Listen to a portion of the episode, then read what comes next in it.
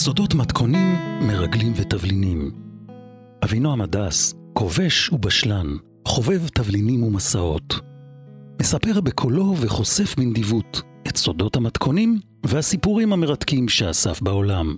הפודקאסט סודות מתכונים, מרגלים ותבלינים המשודר כאן, מיועד לכל בעלי הטעם הטוב. להרפתקני מטבח שואבים תבשילים, מעדנים וכבושים טעימים. מלוכים, חמוצים, חריפים ומתוקים. לבעלי דמיון ומעוף שואבים רטבים מיוחדים, מנות מפתיעות ומשקאות שעושים שמח על הלשון ובפה. הכל מוגש כאן, בגלוי, בכלים נעים ובנדיבות גדולה. אגב, עובדות ושמות שונו כאן כדי להגן על הגיבורים, אבל המתכונים מדויקים. האזנה נעימה ובתיאבון. אוקיי, פרק ג' מניפולציות מוח של מנטליסטים, האדם השלישי והמרגל שגונב מחשבות. אני מזכיר שבסוף הפרק הקודם, כפי שאתה זוכר, נשארנו עם השאלה האם האדם הראשון, מבריח הנשק, נרצח ביריות של מתנקש כששאל היאכטה שלו ליד נפולי באיטליה, אתה זוכר? כל המידע שדלף אז לעיתונות הוכיח שכן, אבל האמת, לנו היה קצת קשה להאמין למעשייה הזאת. למה? כי הכל נראה יותר מדי קל, יותר מדי אמיתי בסיפור הזה. אז אתה בטח שואל את עצמך, האם בזכות הידיעה שהוא נרצח, אה, הפסקנו לחפש אותו? לא ולא. מדוע לא? אתה מנחש. כי למרות שהמוות שלו במרכאות כפולות ומכופלות היה כל כך מפורסם, המשיך לזרום אלינו מידע על הברחה של אוניות נשק לארגוני טרור. זאת אומרת, הידיעות המשיכו לזרום. כלומר, המבריח עוד חי. לכן היה מי שהחליט שהתרגיל הזה של רצחו אותי, אני מת, תפסיקו לחפש אותי, לא עבד עליו. כלומר, כמו בסרטים, נראה שהמבריח זייף לעצמו מוות. זייף לעצמו איזה רווח כדי שיפסיקו לחפש אותו. סרט, אה? ממש סרט. אז בואו נחזור אחורה בזמן. כשאני נשלחתי לפגוש את uh, גנב המחשבות, או קורא המחשבות ההונגרי, זה כזכור כינויו של האדם השלישי, המבריח, ג'י ג'י ויבי, מימי רירי, הזה עדיין היה נחשב חי. כשאני נשלחתי לאירופה, המבריח עדיין היה מסתובב בעולם עם היאכטה או עם האונייה שלו, מוכר נשק לטרוריסטים ולארגוני פשע, מרוויח הון ומסתתר בתוך עולם הצללים. אז מדוע בכלל נשלחתי לפגוש את כריסטוס? שאלה חשובה, שאלה מצוינת, אני מיד עונה. שמע, לפני שיצאתי לפגוש אותו, את כריסטוס, המרגל הזה, קורא המחשבות, זומנתי וקיבלתי בבית גבוה אחד בסביבות תל אביב, תדרוך מצוות של אנשים מצוינים. ככה מקובל על פי הנהלים של הזה, קראו לזה קפ"ק, קבוצת פקודות. האנשים האלה, המתדרכים, ישבו מולי מצד אחד של השולחן, השולחן היה מאוד גדול, הם הביטו בי ודיברו. אני לא כתבתי כלום, סמכו עליי שאני אזכור. המתדרכים אמרו שיש על המרגל הזה מידע, אה, מידע אה, נכון, בוא נגיד ככה, מאומת. אבל האמת, האמת, אני ידעתי אותה, שרובם הכירו אותו רק מרחוק, מתוך הקלסרים, את המרגל הפורש הזה, את האגדה. כלומר, כל מידע שלהם מתבסס על מקורות חיצוניים ולא על ידע אישי. אגב, כולם חוץ מאדם אחד, צריך להגיד את האמת, אדם אחד שהיה בצוות שישב מולי, שראה אותו מקרוב לכמה דקות, באיזה מפגש אקראי בעבר הרחוק, אבל חוץ ממנו אף אחד מהמתדרכים לא ראה אותו מקרוב ובטח שלא פגש אותו, מעולם. כלומר, מהצוות הנוכחי שישב סביב השולחן, אני הייתי אמור להיות הראשון בכלל שיפגוש אותו ממש, במכוון, פנים אל פנים, לא באקראי, במכוון. הלאה, נמשיך. התדרוך שלי נמשך, אם אני זוכר נכון, כארבע שעות. קיבלו אותי מאוד יפה, שאלו מעט שאלות, ובעצם רק דיברו, דיברו המון. אחר כך פירטו לי את התהליך שבו נבצע את ההגעה שלי אל המקור. אני נוסע אליו, מגיע לנקודת מפגש, יהיה איזה איש קשר שמחבר בינינו, איש הקשר אה, נוטש, הולך, אני נשאר לבד. אם הכל הולך כשורה, אני פוגש את האגדה, את האדם השלישי. ומה מצפים ממני שיקרה בפגישה הזאת? הנה, הפגישה בעצם אמורה להיות הפעלה. אני אמור להפעיל את היכולות שלי, את כושר השכנוע שלי, אם בכלל יש לי דבר כזה, ואני צריך לבקש ולשכנע ולהפעיל אותו שישתף איתי פעולה. כלומר, להפוך אותו להיות סוכן שלי.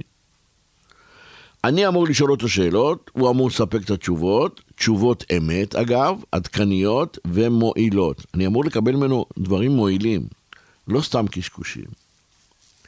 מיד כשאני מקבל את המידע, אני אמור אה, לפרסס, לעשות שמאל שמאל, כן, לעשות פרסה, ומיד לחזור לארץ, להביא את המידע הזה לצוות שאמור להסיק את המסקנות החשובות והנכונות, ועם המידע הזה הם אמורים לתכנן את הפעולה כדי שהצייד, אתה זוכר אותו, יבצע את המשימה, כזכור. המשימה היא לסכל את האדם הראשון, את אותו אדם שאנחנו אמורים לגרום לו להפסיק לפעול. אותו מבריח. הוא והמנגנון שלו, בום טראח. זו מהות ומטרת התדרוך. לנסוע, לבצע, לחזור בשלום, לשלוח צייד, בום טראח, ולחזור בשלום. אז בתדרוך סיפרו לי והמליצו לי כל מיני דברים. ואני שם בחדר ההוא בתל אביב. שותים קפה שחור בוץ. אני, אגב, בניגוד להם, נמנעתי מהארגליות תות. אתה זוכר את זה? הארגליות תות. ומהוואפל עם לימון שהיו מונחים שם בצלחת חד פעמית מקרטון אפור כזה על שולחן קטן שהיה נמצא על ידי. אחר כך הסתובבנו, צד שני, 180, מישהו שם כיסה את החלום באיזה חתיכת קרטון או איזה וילון שחור, ועל מסך בד קטן הקרינו לי שיקופית אחת, שנעשתה בצילום גרוע, שנעשה במצלמה גרועה ובשחור לבן. בצילום הזה ראיתי לפניי פורטרט, תמונת פורטרט של גבר בעל ראש גדול, שיער כהה עם סימנים של שיער שיבה, שפם ארוך ובעיקר הייתה לו מין צלקת אחת עבה, ארוכה, אתה יודע איפה? מתחת לשפה התחתונה שלו ומעל הסנטר. אתה מדמיין את זה? אוקיי. הצלקת הזאת השוותה לפנים שלו הבעה של כעס או ספק. הוא היה נראה כאילו לא מבסוט. בגלל הצלקת. הלאה. מהסיפורים עליו הבנתי כבר שהאדם הזה הוא חמקן גדול. המרגל הזה, קורא המחשבות, הוא מניפולטור בחסד. הוא ממעט להיחשף באירועים או במפגשים פומביים ונמנע מלהצטלם. למרות שהוא כבר פרש. אבל יחד עם זה אמרו עליו שהוא אדם מלא קסם אישי ואדם כריזמטי. אני זוכר שאחד שם הוסיף שהוא כנראה רשע. מילא רשע זה התכונה הכי פחות אה, חשובה לי כרגע. בתדרוך נאמר שהוא אדם, ההונגרי לשעבר הזה, המרגל הקשיש, שבזכות הכישרון העצום שלו יודע לגרום לאחרים לחשוב ולעשות מה שהוא מבקש מהם. נראה לך דמיוני. אבל מסתבר, לפי כל העדויות, שאפשרי מאוד. האדם הזה יודע לגרום לאחרים לחשוב ולעשות מה שהוא מבקש. מניפולטור. שמע, אתה הרי יודע שבעולם המודיעין אדם כזה היה הופך להיות אגדה. מרגל כזה הופך להיות מיתוס. אדם שיודע מה אחרים חושבים, אדם שיודע לתמרן אחרים לחשוב ולעשות מה שהוא מבקש מהם, אדם כזה הופך לאגדה. אם הוא היה מתעסק בפוליטיקה, הוא בוודאי היה נבחר להיות איזה ראש ממשלה או נשיא. אם הוא היה עוסק בקולנוע או בתיאטרון, בוודאי היה הופך להיות איזה כוכב בינלאומי. אבל הוא, הוא בחר להיות במודיעין, מרגל. וכמרגל, הצליח להישאר בצל, באפלה, הרבה שנים. אבל כרגיל במקרים כאלה, במסדרונות מסוימים, שמו דווקא הולך לפניו. מה אני אגיד לך? הוא היה מפורסם. באותו מקצוע הוא היה מפורסם. סיפרו עליו שכשאתה פוגש אותו לכמה דקות, הוא מצליח להבין ולנחש לפי שפת הגוף שלך מה אתה מרגיש ומה מצב הרוח שלך.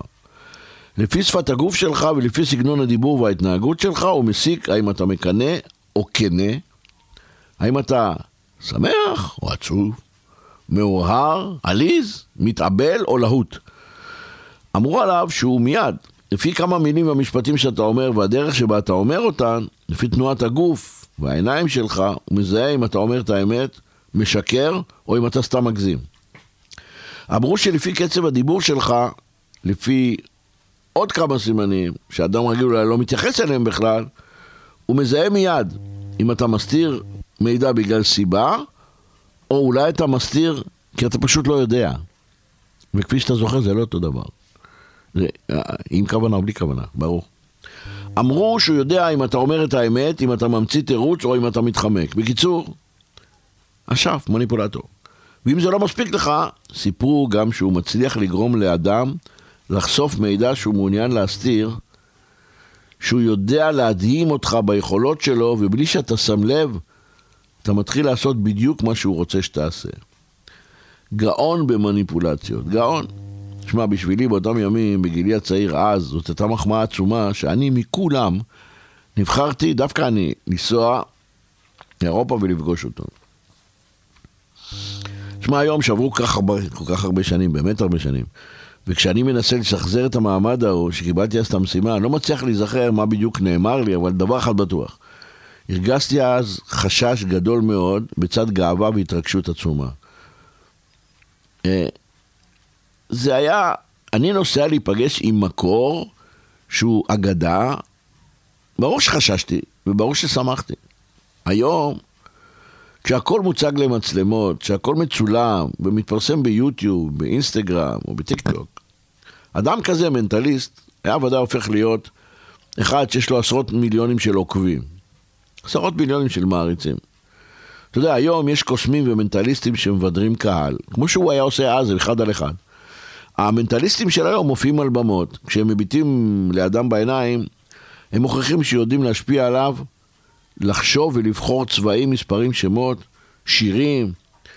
הם יודעים לנחש מה חשבת, מה בחרת, והקהל בדרך כלל נדהם.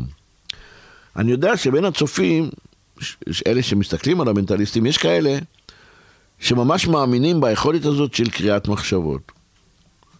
חלק לא מאמינים.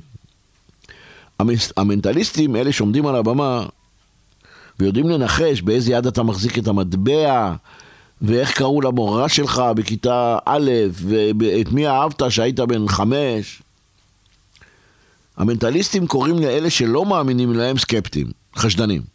לא מאמינים. אגב, עליהם המנטליסטים יודעים לעבוד במיוחד. אותם המנטליסטים משכנעים בהתחלה, הם היעד הראשון למניפולציות האלה שלהם. אז איך מנטליסט עושה את זה? איך מנטליסט מצליח לנחש מנגינה או שיר או מספר שאתה מדמים לעצמך בתוך המוח? משהו שרק אתה יודע, בכל זאת הוא מצליח לנחש. איך אדם כזה מצליח לנחש את השם של אהבת הילדות שלך או מורה שלך מכיתה א', או משהו שאפילו אתה שכחת? הנה ההסבר. ההסבר הוא בסוד של המניפולציות. אתה יודע שהמוח האנושי לא כל כך סומך על יתר האיברים והחושים, אתה יודע את זה. שמע, הלב האנושי למשל, מתחיל לפעול אצל העובר הרבה שבועות לפני שהמוח של העובר בכלל מתפקד, אתה יודע את זה? מחברים אולטרסאונד, בסדר? בודקים אישה הרה, העובר רק בין כמה שבועות, המוח עדיין לא מושלם, אבל הלב כבר פועם. ברור, אה? אוקיי, אם זה ברור, אז מה למעשה, למעשה קרה כאן? המוח איננו מנחה את הלב. הלב פועל באמצעות קוצב, ויש לו עוד מערכת גיבוי של עוד קוצבים, כמו מילואימניקים, שאם הקוצב הראשי העליון לא עובד, אז הם עושים לו גיבוי. אבל הלב לא מקבל פקודה הפעלה מהמוח. אתה יודע, אצל אדם שחלילה נפטר, מה עושים? בודקים את הנשימה ופעולת הלב, וגם בודקים פעילות חשמלית במוח. רק כששתיהן חדלות, האדם מוכרז חלוט, כאדם מת. ישנן הרבה פעולות בגוף ובמוח שנעשות שלא במודע, ויש פעולות שנעשות רק במודע. אתה רוצה דוגמה? בסדר, אני אתן לך דוגמה. תן לאדם שסובל מכאב, אה, בן אדם כואב לו הראש, משהו. תן לו תרופה קטנה, תן לו כדור שהוא אמור לבלוע, והתרופה אמורה לעזור לו. זה פעולה לטובתו, נכון? נכון. הוא מודע שזה לטובתו? כן. זה בסך הכל כדור קטן נגד כאב ראש. נכון. אתה נותן לבן אדם את הכדור, אבל מה, הוא לא מצליח לבלוע אותו. הוא לא מסוגל לבלוע. גם בגלל התרגשות וגם בגלל הפעולה המיוחדת. הוא שם את הכדור בתוך הפה שלו, הכדור נדבק לו ללשון, והוא לא מצליח לבלוע אותו.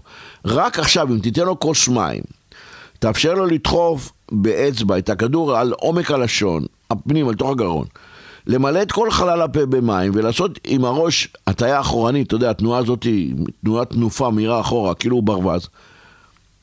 כאילו הוא אמור לבלוע כדור טניס. רק אז, רק אז, הוא מסוגל לבלוע את הכדור רק בקושי. נכון? אוקיי, מסכים איתי, אני שמח. עכשיו מגיע האבל, אבל, אבל, תן לאותו אדם בדיוק, חצי שעה קודם או חצי שעה אחרי זה, במסגרת ארוחה רגילה שהוא אוכל, תן לו כריך. כריך שתי פרוסות מלחם שחור עם בשר בפנים, ותגיד לו, תאכל את זה. עכשיו, מה הוא יעשה? הוא ייתן נשיכה, נכון, עם השיניים, ויבלע את החתיכת בשר בלי ללעוס ובלי מים ובלי לעשות עם הראש אחורה ובלי... אז, אז, אז איך זה שאת הסנדוויץ' הענק הזה הוא מסוגל לבלוע בלי כלום, אבל את הכדור הקטן של התרופה הוא לא מצליח לבלוע? ההבדל בין הקלות של בליעת אוכל והקושי בבליעת כדור תרופה, אתה יודע איפה מונח ההבדל הזה? במודע ושלא במודע. כי כשאתה אוכל, כמו שאתה נושם, כמו שאתה הולך, אתה עושה פעולות שלא במודע. אבל כשאתה צריך לעשות פעולה במודע, ואתה לא רגיל, הגוף שלך מתנגד.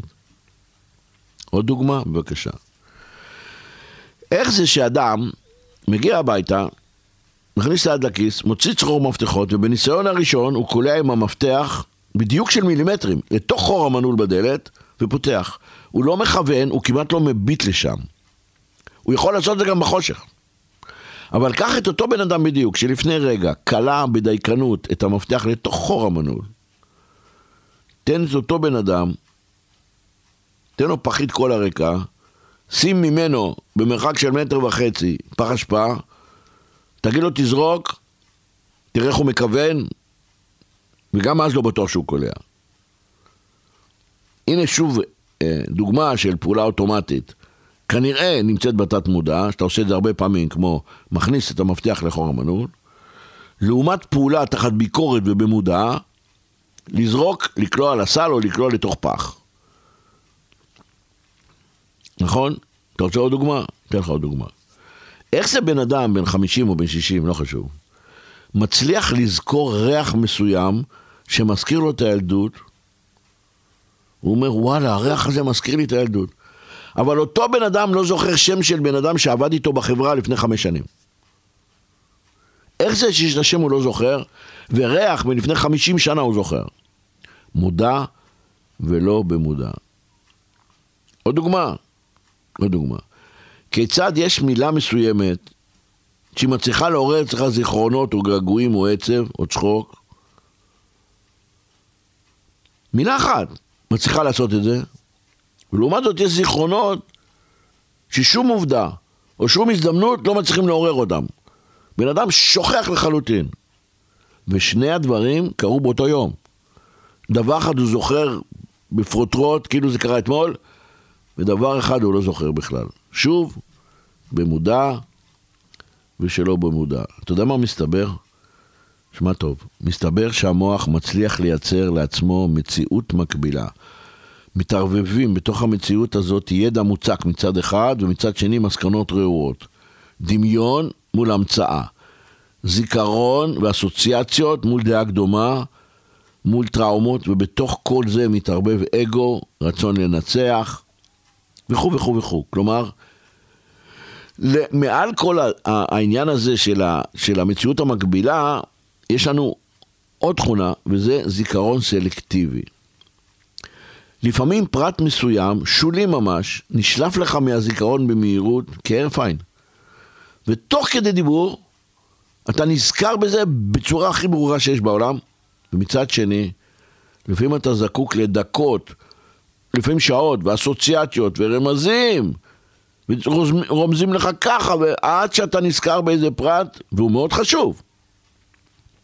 לעומת הפרט הראשון, ששלפת אותו במהירות מהזיכרון, והוא היה ממש לא חשוב, שולי. אז איך זה קורה?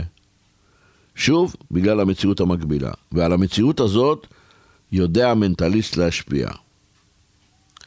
אתה יודע שהיום בקריירה שלי כמאמן מנהלים ופוליטיקאים, פיתחתי שיטה לקרוא שפת גוף, אבל לא סתם שפת גוף, גם שפת הגוף של המחשבות, זה במרכאות כמובן.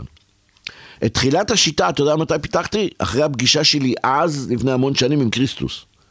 שם התחילה התורה הזאת שלי להבשיל. קריס, ממנו למדתי את זה. לא סתם קראו לו גנב המחשבות. הנה אני מפרט.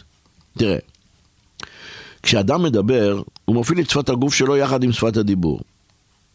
נכון? את זה כולם כבר יודעים. יש שפת דיבור ויש שפת גוף. בשפת גוף, מה עושה הבן אדם? מניף את הידיים, מחייך, מתנשם, מתנשב, מנסה להביע את עצמו בדרך ציורית, באמצעות תנועות רצוניות ובלתי רצוניות. הוא מזיז את הידיים, את הפנים, את הרגליים, את הראש, את הבטן, את הגב, הוא מזיז כל הגוף. איך קוראים לשפה הזאת? שפת גוף. מדברים גם עם הגוף. את התורה הזאת כולם מכירים. אבל, מה למדתם מקריסטוס? מה קורה כשהבן אדם מקשיב? כשהבן אדם חושב בעת שהוא מקשיב, לא כשהוא מדבר. כשבן אדם חושב, אתה יודע, הסינים אומרים, מחשבה זה שיחה עם עצמי. מה קורה כשבן אדם חושב? האם גם אז יש לו שפת גוף? כשהוא לא מדבר. כשאני מדבר אליך, כאשר הבן אדם מקשיב, כמו שאני עכשיו מדבר אליך, ושמת לב שאני מהנהן בראש, נכון? גם אתה מהנהן בראש. הנה, אתה ללא דיבורים, אתה לא מדבר, רק יש לך תנועה שאומרת, אבינועם, אני מבין מה אתה אומר, ואתה מסכים. אז אני שואל, האם גם בהקשבה יש שפת גוף? האם להקשבה ולמחשבות יש שפת גוף? האם ניתן ללמוד ממנה, משפת הגוף הזאת של המחשבה? האם ניתן ללמוד משפת הגוף של בן אדם שלא מדבר אלא שותק? האם ניתן ללמוד משפת הגוף הנסתרת הזאת על מצבו של האדם, על הרגשתו, על מצב רוחו? האם כשאדם יושב מולך וחושב על השאלה שלך, או מדמיין את הסיפור שלך, מה ניתן ללמוד? מה אני יכול ללמוד כשאני מביט בך? כשאני מדבר ולא אתה. האם כשאתה חושב אתה לחוץ או מרוצה? האם כשאתה חושב, מה אני רואה? האם אני רואה שאתה מחפש מפלט או שאתה מוכן ואתה רגוע? האם אתה במצוקה או שלב? האם אתה מתכוון להגיד את האמת או לשקר? האם אתה פוחד? האם אתה בחרדה או האם אתה בטוח בעצמך? אז האם ניתן לקרוא את שפת הגוף הזאת? בוודאי. בוודאי שניתן לקרוא את שפת הגוף הזאת. מומחה יכול, ברור שכן. ניתן ללמוד על מחשבותיו ועל מצב אה, אה, גופו ומצב נפשו של האדם משפת הגוף שלו, כאשר הוא אינו מדבר, כאשר הוא חושב. למומחה זה קל. מומחה יכול לזהות דפוס התנהגות, דפוסי תגובה. הוא יכול ממש להגדיר מילים ברורות מהתנועות הקלות והמזעריות של הגוף. אתה יודע, אני מלמד כבר המון שנים, ומדריך אה, מאות פוליטיקאים, דיפלומטים, מנהלים, גברים ונשים. בעיקר אני מאמן אותם. אני עובד בישראל, באירופה, בארצות הברית, באפריקה. אני יודע, בחלק מה, מה, מהמפגשים האלה היית נוכח בעצמך. תשמע, ישבתי מאות שעות, יותר ממאות, מול מרואיינים, מול אנשים בכירים שמציגים דעה או עיקרון, משווקים את עצמם או מתראיינים, מול עיתונאים, מול מצלמות טלוויזיה. בכל ההדרכות האישיות שאני עושה, אני משתמש במצלמת וידאו. אני מקליט את המרואיינים, את התלמידים שלי, מקליט ואחר כך יושב וצופה. וכשאני צופה, אני מזהה כל תנועה בגוף. מזהה כל תנועה, כל שריר קטן שזז בפנים. שרירים רצוניים ופעולות רצוניות, שרירים בלתי רצוניים ופעולה בלתי רצונית, למשל נשימה או דופק. אני משווה את התנועות עם השאלות שהתלמיד שלי נשאל קודם. משווה את התנועות עם התשובה שהוא נותן אחר כך. אתה מבין? אני עושה הכפלות. יושב ומנתח את שפת הגוף של המחשבות מול שפת הגוף של הדיבור, ומזהה, אני מזהה מתי זה כן, מתי זה לא, מתי זה אולי, מתי זה אני בטוח, מתי אני ממציא, מתי אני משקר. האם אני תמיד צודק? אני מאמין שאני צודק הרבה פעמים. מה למדתי? למדתי, אני מסכם, כן? שגם כשאתה חושב, לכאורה יושב ללא תזוזה, ללא דיבור וללא תגובה רצונית, למרות כל זאת, מומחה יכול לזהות בקלות שפת הגוף הנסתרת. אתה רוצה דוגמאות? אתן לך דוגמאות. העיניים זזות, נכון? העפפיים זזים? אנשים מקמצים את המתח, מרימים את שתי הגבות או גבה אחת. הלשון והשפתיים זזות. הידיים שלך שמונחות על הרגליים או על השולחן, האצבעות זזות? בוודאי. כפות הידיים זזות? בוודאי. הגרון והצוואר. מזיזים כתפיים? מזיזים. מתנשמים? כן. מתנשפים? כן. הבטן זזה כשנושמים? בוודאי. הרגליים זזות? העיניים מתרוצצות? אוקיי, דוגמאות. בסדר, נותן דוגמאות. אני מדבר על קלאסיקה, בסדר? לא על בן אדם ספציפי. עיניים מתרוצצות לצדדים מלמדות על מצוקה. עיניים מושפלות מלמדות על מבוכה. צמצום מסגרת העיניים זה מלמד על רתיעה או, אי, או אי אמון. אדם שנלחץ בגלל מצוקה מתחיל להתנשם במהירות. התנשמות המהירה גורמת למה? ליובש בחלל הפה. ואז יש בליעה לא רצונית. עכשיו, גם אם הוא עם ז'קט, בסדר? והוא יושב מולך, ואתה רואה רק את הפנים שלו על המסך, וקשה לך לראות את החזה שלו נע. בסדר? אבל אצל גברים, נגיד בגלל שיש גרוגרת בולטת, כשהוא בולע זה ניכר. עכשיו תגיד להם, אצל נשים אין גרוגרת בולטת. נכון, אבל בהחלט ניתן לראות שהגברת פתאום בולעת את הרוק, או, או אין לה רוק, בולעת כאילו, בגלל הלחץ. רוצה לשמוע עוד? בבקשה. תביט על תנועות לא רצוניות של כפות הידיים. תזהה הזעה, אתה מכיר אנשים שמזיעים בכפות הידיים? אנשים שמזיעים במצח זה קל. אנשים שמזיעים בבית השחי זה קל. הסמקה זה קל לגלות. הכל מלמד על לחץ. אוקיי, בן אדם שאתה מדבר איתו, והוא לא, הוא, הוא לא עונה, הוא רק מסתכל עליך, ופתאום הוא נשען אחורה ומנמיך את הכתפיים. אתה אומר, הוא נינוח. בן אדם שמרים פתאום את הסנטר, מרים פתאום את הסנטר. אתה יודע, מותח את הצבא, מרים את הסנטר. זה התרסה. בן אדם שמחייך, יש חיוך של שביעות רצון, יש חיוך של מבוכה. אתה כמובן מכיר את העניין של הקפצת הרגל, נכון? כשיושבים רגל על רגל, אז הבן אדם מקפיץ את הרגל. לפעמים זה חוסר סבלנות, לפעמים זה בן אדם הוא בתוך מוזיקה. מכיר את הנשימה העמוקה, כשאתה מנסה להסתיר חוסר שביעות רצון. אתה מכיר את ההתנשפות הזאת מהאף, הרחבת הנחיריים. אתה מכיר את הסיטואציה שבה בן אדם פתאום מרים גבה אחת או מרים שתי גבות. הידוק שפתיים, מכיר את זה שאנשים לוחצים את השפתיים? נגיעה בפנים, הגרגור הזה בקר, בקרקפת, אנשים שנוגעים בשיער, אנשים שנוגעים בקצה האוזן שלהם, אנשים שפתאום מסדרים את הבגדים, תוך כדי הקשבה. הם לא זזים, הם לא מדברים. שפת גוף עדינה וקלה. ועוד ועוד ועוד. אתה רוצה שנמשיך? אוקיי.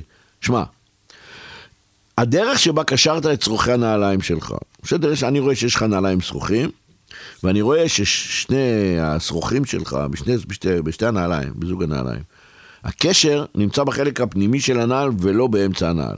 אתה יודע למה? אני אגיד לך למה. כי אתה קושר את השרוכים, אתה שורך את השרוכים של הנעליים שלך, לא כשאתה מתכופף אל כף הרגל וכף הרגל מונחת על הרצפה.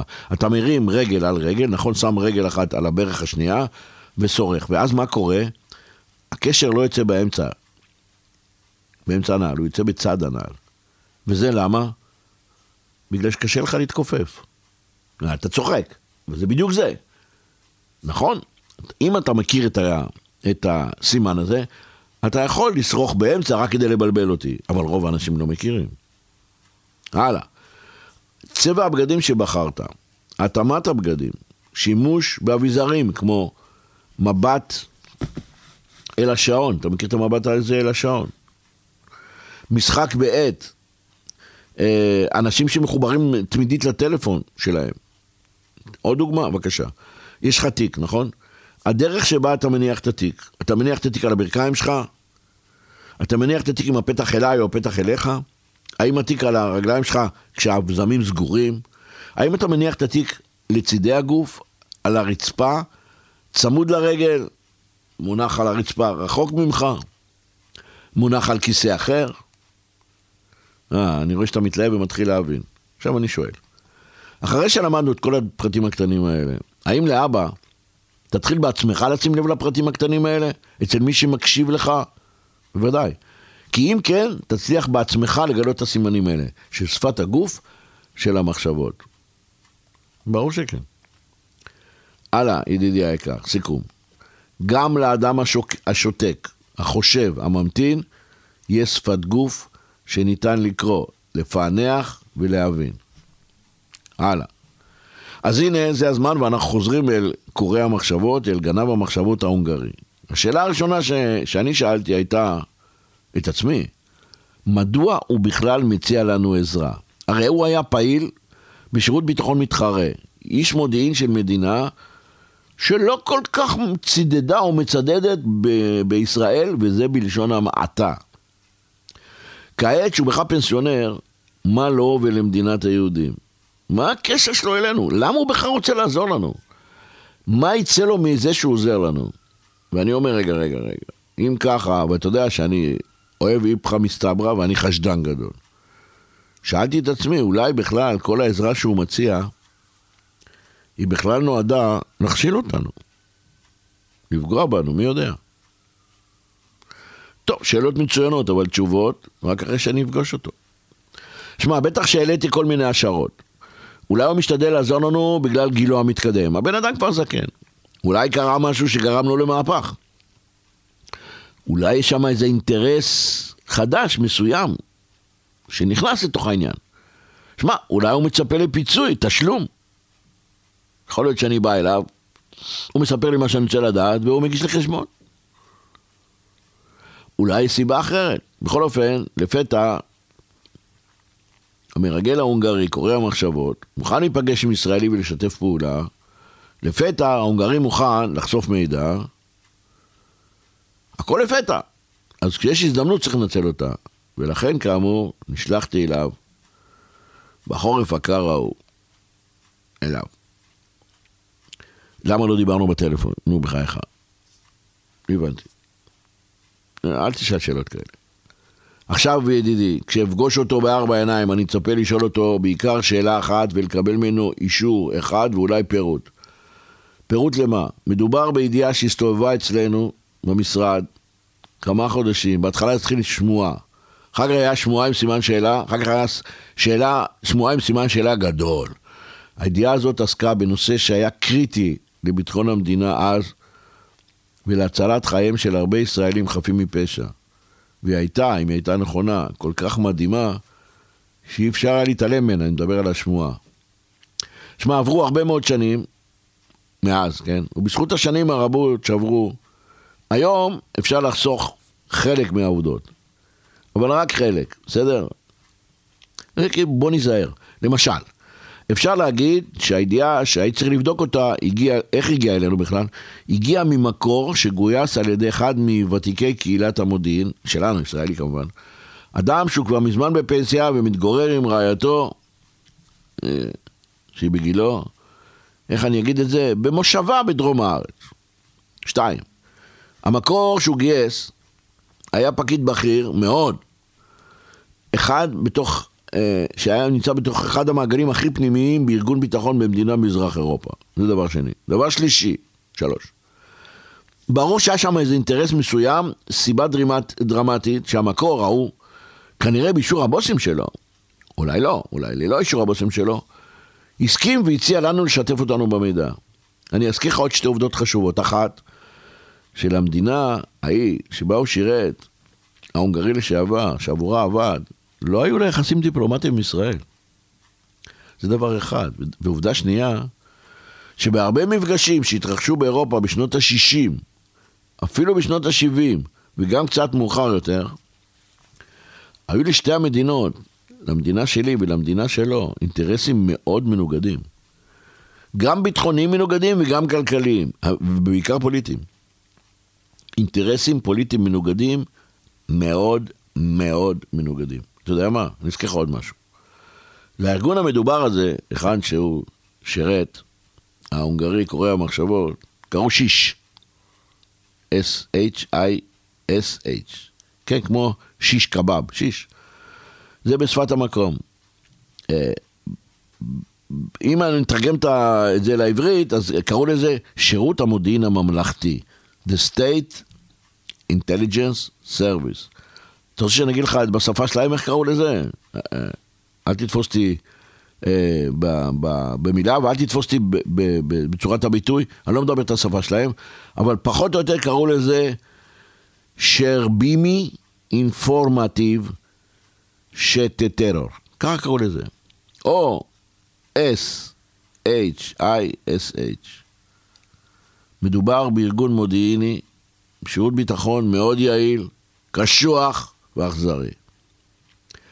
שמע, אם מישהו ישמע את הסיפור וירצה לברר בעצמו, יוכל למצוא באיזה מדינה מדובר, לפי הרמזים שנתתי כאן. בסדר? אז בשביל מה אני צריך להיכנס לפרטים? מי שירצה יחפש לבד. לא, לא שזה חשוב, אבל קצת בגוגל, שיש, ואתה מוצא את זה בן רגע. בארגון הזה, ארגון הביון הלאומי, הלאומי הזה, שיש, היו חמישה מדורים. זה יעזור לך למצוא. מדור הראשון קראו לו מדור מבצעים טכניים, מדור השני קראו לו מודיעין זר, מדור שלישי קראו לו ריגול נגדי, מדור הרביעי קראו לו מדור נגד פשע מאורגן, והמדור החמישי קראו לו המדור למלחמה בטרור. וזה המדור שמעניין אותנו בעיקר. אני גם מציין, מה שאתה זוכר מצוין, כי שנינו הסתובבנו שם פעם, יותר מפעם אחת, שהמדינה שאנחנו מדברים עליה, גב, היה לה גבול עם יוון, גם עם מונטנגרו. עכשיו, למה אני אומר מונטנגרו? כי אם הייתה לך סירה טובה, מהירה, היית יכול להפליג מהמדינה ההיא, בקלות, לאן? למרינה של העיר ברינדיזי, שזה כזכור בחוף המזרחי של איטליה. אגב, אם אני זוכר נכון, ואני זוכר נכון, אתה ואני שטנו יותר מפעם אחת בלילה, ביחד, מהחוף של עיר נמל אחד שקוראים לה דורס. אבל יכול להיות שאני טועה, אה? אה? אתה זוכר? אני... כן. מהעיר ההיא בים האדריאטי, שטנו ממזרח למערב, בלילה, והגענו לאן? למרינה היפה של ברינדיזי באיטליה. אני רוצה להזכיר לך עוד דבר, יקירי, כי ככה למעשה, עד כמה שאני זוכר, ככה התחילה העבר המשותפת שלנו לשייט במפרשים. שמה, כששטנו לברינדיזי, בלילה, פעם אחת זה אפילו היה בחורף, זה היה שייט מאוד מפחיד, שם התחלנו לאהוב את השייט בסירות גדולות, מה שקוראים לזה יאכטות, אבל אנחנו קוראים לזה סירה, בעיקר בלילה, במפרשים. אבל שייט בלילה זה כבר סיפור אחר, התחלנו את הסיפור, אוקיי, על האוניית נשק שהגיעה בלילה. אבל בואו נחזור לידיעה שהיה עליי לאמת אצל קורא המחשבות ההונגרי. הידיעה עסקה בחשיפה של תהליך ארוך ומסובך, שבו לקחו חלק מבריחי נשק וסוחרי נשק שהתפרנסו יפה מאוד מאספקת כלי נשק, חומרי נפץ וחומרי חבלה לארגוני טרור. לקבוצה הזאת היו קשרים מסחריים פעילים מאוד עם ארגוני טרור ערבים שפעלו נגד ישראל ונגד ישראלים. הפעילות של ארגוני הטרור פעלה, תראו, כללה פעילות כמובן נגד ישראלים בישראל ונגד ישראלים בחו"ל ונגד מוסדות ישראלים בחו"ל כמו שגרירויות וסניפים של חברות ישראליות לאומיות, בנקים וכן הלאה, כולם זוכרים את התקופה ההיא הנוראה. הצורך לעצור את הקבוצה הזאת היה חיוני ודחוף. אני בכוונה אומר, גם חיוני וגם דחוף, אתה יודע מה ההבדל בין חשוב לדחוף, קודם עושים את הדחוף. תרשה לי כאן, במצב הנוכחי, ולמרות הכל, אתה יודע מה, למרות שעברו כך הרבה שנים, לא לפרט את הידיעה הספציפית. בסדר? למה? כי חלק מגיבורי הסיפור הזה עדיין חיים. כפי שאני ואתה עדיין חיים. וחשוב לשמור על אה, ביטחונם. אתה יודע מה? אנחנו מקליטים סיפור, לך תדע לאן הסיפור הזה יכול להתגלגל. מספיק שנגיד, נגיד ככה, מספיק שנגיד שהידיעה הזאת הייתה קשורה לאדם, לאדם הראשון, המבריח ההוא הבלקני, אדם שעשה הון עצום מהברחת כלי נשק וחומרי נפץ לכל מיני ארגוני טרור ופשע. האיש הזה, האדם הראשון, שהיה מבריח נשק גם לאנשים שניסו להפיל ממשלות, או לרצוח אנשים ממניעים פוליטיים. הוא לא חיפש רק טרור ערבי, מי שקנה הוא היה מוכר לו. הכל היה בשם הלאומיות, או הדת, או הכסף. אתה יודע, לא ממש היה אכפת לו. העיקר שהרוויח אה, הרבה כסף, ושהרווח הכספי היה גדול. עכשיו, מדוע שההונגרי, גנב המחשבות, יסכים לעזור לנו לחשוף את המבריח? שמע, לאט לאט התחיל להסתבר שההונגרי הזה, קורא המחשבות, שידע ואהב לסחור במידע, הייתה לו סיבה נוספת. עיקרית אולי. וזו סיבה שאנחנו, אצלנו במשרד, אהבנו להשתמש בה כהלכה, ואפשר להגדיר את הסיבה הזאת במילה אחת בארבע אותיות בעברית. מדוע הוא עזר לנו? כי הוא חיפש נקמה. מסתבר שלהונגרי הייתה סיבה לנקום במבריח הנשק הזה, ג'י ג'י ויבי רירי מימי. המבריח האלבני הזה.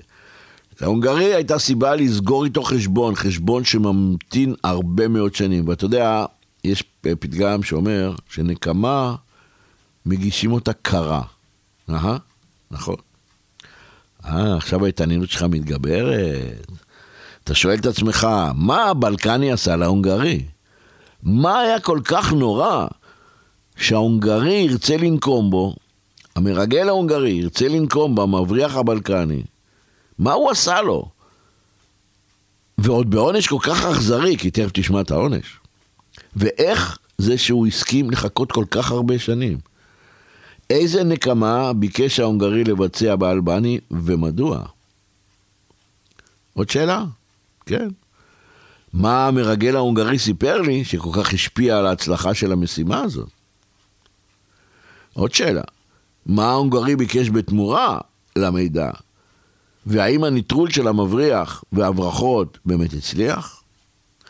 ואיפה בכל הסיפור הזה משתלב האדם השני? נכון, ברנרדו, ברני, איך קראנו לו? הצייד. איפה הוא נכנס לסיפור? ומה התפקיד שלו בנקמה של ההונגרי באלבני? המון שאלות. אבל כל זה בהמשך. כאן מסתיים פרק ג', היתר בפרק הבא. ועד אז, שלום, ולהתראות, ותשמור על עצמך מכל רע, ויש לי בקשה. לכל המאזינים. זה הזמן, אה, קודם כל תודה על ההאזנה כמובן. דבר שני, זה הזמן לשלוח אליי חוות דעת, או לעשות לי לייק, ולעשות מינוי, ככה שתוכלו להתעדכן בכל פעם שעולה סיפור חדש. או סתם לשלוח לי איזה הודעה עם uh, מחמאה, אני גם אוהב. יקיריי, סוף פרק ג', בקרוב, פרק ד'. בפרק ד' ממשיך המרדף, מתכננים נקמה, איך מתחמקים מעוקב עקשן, ומהי שפת הגוף של השקרנים. תודה רבה ולהתראות.